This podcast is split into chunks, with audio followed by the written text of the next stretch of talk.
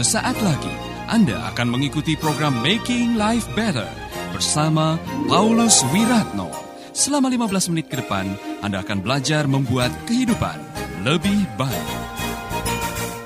Takut miskin bisa melumpuhkan iman. Bersama saya Paulus Wiratno dalam acara Making Life Better. Saudara pendengar, saya yakin sementara saudara mendengarkan, saudara sudah menyediakan Alkitab dan mungkin buku catatan sehingga setiap perkataan yang saudara dengar, ayat-ayat firman dan kebenaran yang menyentuh hati saudara, saudara akan mencatatnya karena itu akan menginternalkan kebenaran di dalam diri saudara. Haleluya. Kali ini topik kita ialah mengenai takut miskin itu bisa melumpuhkan iman.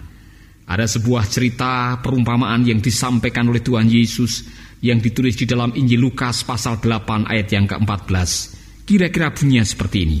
Yang jatuh dalam semak duri ialah orang yang telah mendengar firman itu dan dalam pertumbuhan selanjutnya mereka terhimpit oleh kekhawatiran dan kekayaan dan kenikmatan hidup sehingga mereka tidak menghasilkan buah yang matang.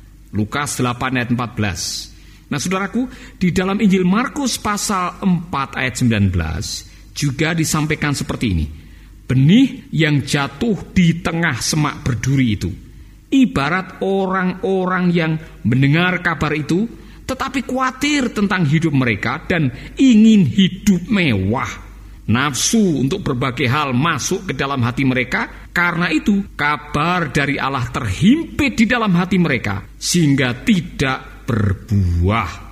Hidup yang berbuah sebetulnya adalah hidup dalam rencana Allah. Kalau kita melihat ayat firman Tuhan di atas, kita langsung bisa menyimpulkan bahwa Allah menghendaki kehidupan yang menghasilkan buah dari setiap umat ciptaannya, saudara.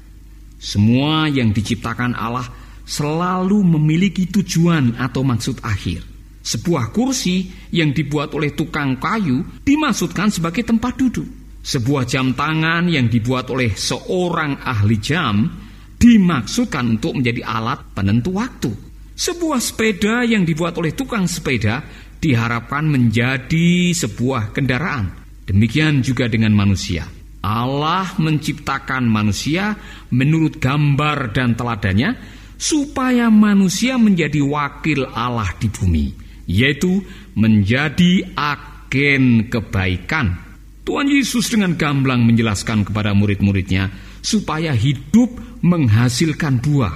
Karena kehidupan tanpa buah adalah sebuah kesia-siaan. Dengarkan apa yang pernah Yesus katakan. Setiap cabang yang tidak berbuah dipotongnya dan setiap cabang yang berbuah dikurangi daunnya dan dibersihkannya supaya lebih banyak lagi buahnya. Itu tertulis di dalam Injil Yohanes 15 ayat yang kedua.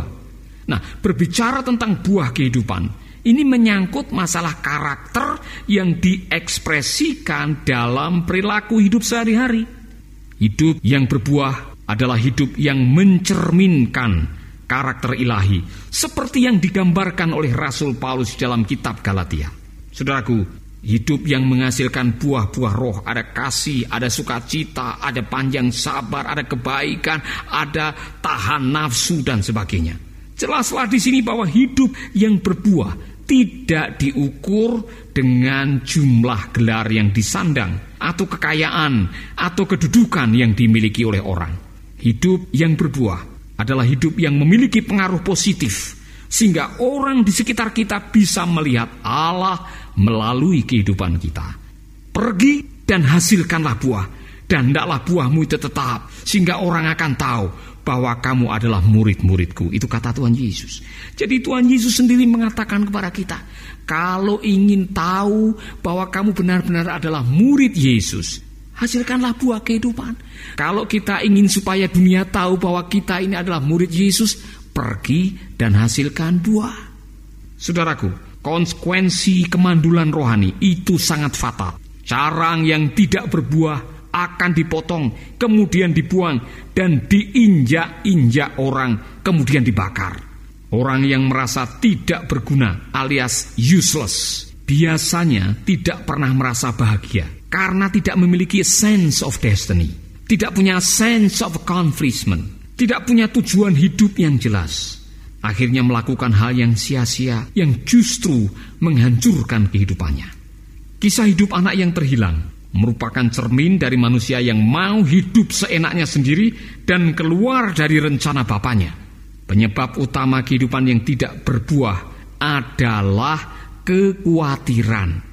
Orang yang takut miskin sedang membahayakan kehidupannya sendiri.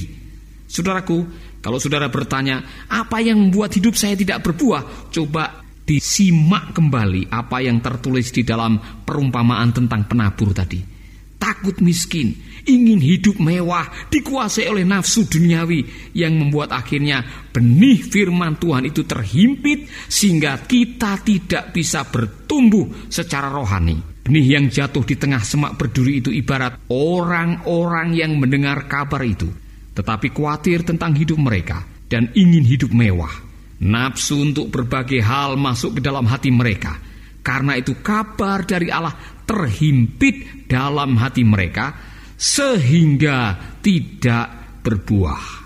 Dari ayat ini, kita menemukan tiga hal yang harus diwaspadai oleh setiap orang percaya, yaitu khawatir tentang hidup, ingin hidup mewah, dan nafsu untuk memiliki berbagai hal. Ketiga hal itu bisa membunuh pertumbuhan firman dalam hidup rohani saudara. Yang membuat kita hidup berbuah adalah kebenaran firman yang bertumbuh dalam hati Ketika hidup menurut firman Allah, maka perilaku kita akan mencerminkan kebenaran firman itu. Namun sayang, terkadang firman itu dikalahkan oleh nafsu kedagingan. Orang yang ingin cepat kaya alias takut miskin biasanya akan mengambil jalan pintas untuk mencapai tujuannya. Coba bayangkan, kalau semua koruptor mau jujur, mengapa mereka nekat mencuri uang rakyat?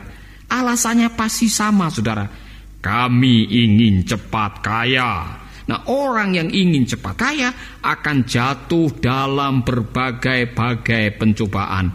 Ada yang merampok, ada yang tega menjual anaknya jadi PSK, ada yang tega melenyapkan nyawa orang lain, ada yang memperalat agama, dan tidak sedikit yang menyalahgunakan kekuasaan gara-gara ingin cepat mengeruk harta kekayaan.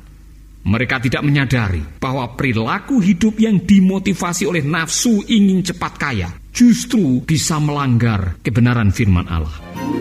Anda masih mendengarkan Making Life Better. Firman Tuhan mengajarkan kepada kita untuk mencari dahulu kerajaan Allah dan kebenarannya. Maka semua yang dikhawatirkan itu, yaitu yang namanya sandang, pangan dan papan akan ditambahkan kepada kita. Kitab Mazmur mengatakan kepada kita bahwa orang yang kesukaannya mendengarkan firman Allah siang dan malam dan mempraktekannya dalam kehidupan sehari-hari justru akan menjadi orang yang berhasil, orang yang berbuah. Berbahagialah orang yang tidak mengikuti nasihat orang fasik, tidak mencontoh orang berdosa, dan tidak bergaul dengan orang yang menghina Allah. Tetapi yang suka melakukan perintah Tuhan dan merenungkannya siang dan malam, orang itu berhasil dalam segala usahanya. Ia seperti pohon di tepi sungai yang berbuah pada musimnya dan tidak pernah layu daunnya. Haleluya. Apakah ada hubungan yang erat antara melakukan kebenaran firman dan keberhasilan hidup? Jelas ada. Mazmur pasal 1 dengan gamblang menjelaskan kehidupan orang yang kesukaannya merenungkan dan melakukan firman Tuhan. Itu seperti tanaman yang ditanam di tepi aliran sungai yang selalu menghasilkan buah dan apa saja yang dilakukannya berhasil. Haleluya. Nah, kembali kepada perumpamaan tentang penabur. Yang membuat benih itu tidak bertumbuh dan tidak berbuah adalah semak duri dan ilalang yang menjepit benih itu hingga akhirnya mati. Inilah strategi musuh kita, yaitu merampok dan mencuri dan merusak sehingga orang percaya tidak bisa hidup menghasilkan buah. Dengan demikian, amanat agung tidak akan pernah selesai diberitakan. Saudara-saudaraku, kita punya pilihan setiap hari. Apakah kita ingin menjadi orang yang sungguh-sungguh melaksanakan kebenaran firman Tuhan? Ingin menjadi orang yang berhasil dan mendatangkan buah kehidupan yang bisa dirasakan oleh orang di sekitar kita? Cara yang terbaik ialah membiarkan firman Tuhan bertumbuh. Nah, kalau begitu, apa yang harus kita kurangi? Apa yang harus kita tinggalkan? Yang kita tinggalkan, yang kita waspadai adalah kekhawatiran, takut miskin, ingin cepat kaya, ingin hidup mewah, sehingga menghalalkan segala macam cara dan meremehkan kebenaran firman Tuhan. Coba saudara evaluasi. Mari kita semua mengintrospeksi diri. Kalau masih ada benih-benih ingin cepat kaya, benih-benih kekhawatiran yang membuat kita tidak lagi mau hidup sesuai dengan firman Tuhan. Ada baiknya kita datang kepada Tuhan dan mengatakan, "Tuhan, ampuni saya." Saya mau menjadi orang yang kesukaannya merenungkan firman siang dan malam. Dan kalau selama ini saya sudah menghalalkan apa yang haram, maka ampunilah saya ya Tuhan. Mungkin saudara mengatakan Pak Paulus, saya adalah orangnya yang selama ini saya telah melanggar firman, saya hidup tidak benar, saya melakukan hal-hal yang keji di hadapan Tuhan gara-gara saya ingin mendapatkan lebih banyak. Mungkin saudara sudah mencuri uang rakyat, Mungkin saudara sudah menjual diri demi materi. Mungkin saudara sudah menghalalkan hal-hal yang tidak benar. Akhirnya kita terjerumus, terjebak, dan hidup menderita. Dan saudara datang kepada Tuhan mengatakan, ampuni saya Tuhan, saya mau hidup benar. Kalau saudara adalah orangnya, saya akan berdoa dengan saudara. Mari kita berdoa. Bapa kami di dalam surga, kami sudah mendengarkan firman Tuhan. Kami bertobat kalau ada benih-benih takut miskin, ingin cepat kaya, kemudian kami menghalalkan segala macam cara, kami tidak pandang bulu kebenaran, sehingga kami melanggar sana sini dan hidup menjijikkan di hadapan Tuhan. Ampunilah dosa kami. Dan dengan kesadaran hati yang penuh, hari ini aku datang kepadamu Tuhan, basuhlah hati kami dari semua dosa dan kesalahan kami. Kami mau bertobat dan mau hidup benar sesuai dengan firman-Mu. Tuhan, Ampunilah saudara-saudara kami. Ampunilah kekhilafan kami. Dan mulai hari ini kami berjanji, kami akan hidup sesuai dengan kebenaran firman-Mu. Terpujilah namamu Bapa. Jadikanlah kami orang-orang yang berbuah dan bisa memberkati orang lain. Di dalam nama Yesus kami berdoa. Amin. Tuhan memberkati saudara. Kiranya kebenaran ini bisa menyadarkan kita dan setelah saudara disadarkan, tolong sadarkanlah orang lain yang ada di sekitar hidup saudara. Tuhan memberkati. Jangan lupa dengarkanlah Making Life Better seri berikutnya.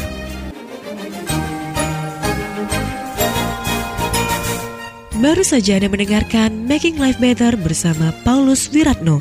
Jika Anda diberkati, kirimkan kesaksian Anda ke Radio Dian Mandiri Jalan Intan LC2 Gang 4 Nomor 1 Denpasar, Bali Kunjungi website kami di www.pauluswiratno.org, Facebook Paulus Wiratno. Hubungi kami di 081338665500. Sekali lagi 081338665500.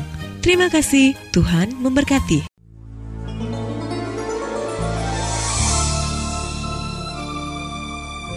Keluarga Gracia, biarlah firman Tuhan selalu menjadi pelita dalam hidup kita sepanjang tahun ini. Dengarkan selalu radio Suara Gracia di 95,9 FM, streaming di suaragratiafm.com streaming atau dengan aplikasi Android Radio Suara Gratia yang tersedia di Play Store. Jika Anda diberkati oleh siaran suara Gracia FM dan mengalami kuasa mujizat Tuhan, mari menjadi berkat dengan mengirimkan kesaksian ke WhatsApp Radio Suara Gracia FM di 0817 222959. Biarlah melalui kesaksian Anda, banyak jiwa dikuatkan dan dibangkitkan kembali imannya. Tuhan memberkati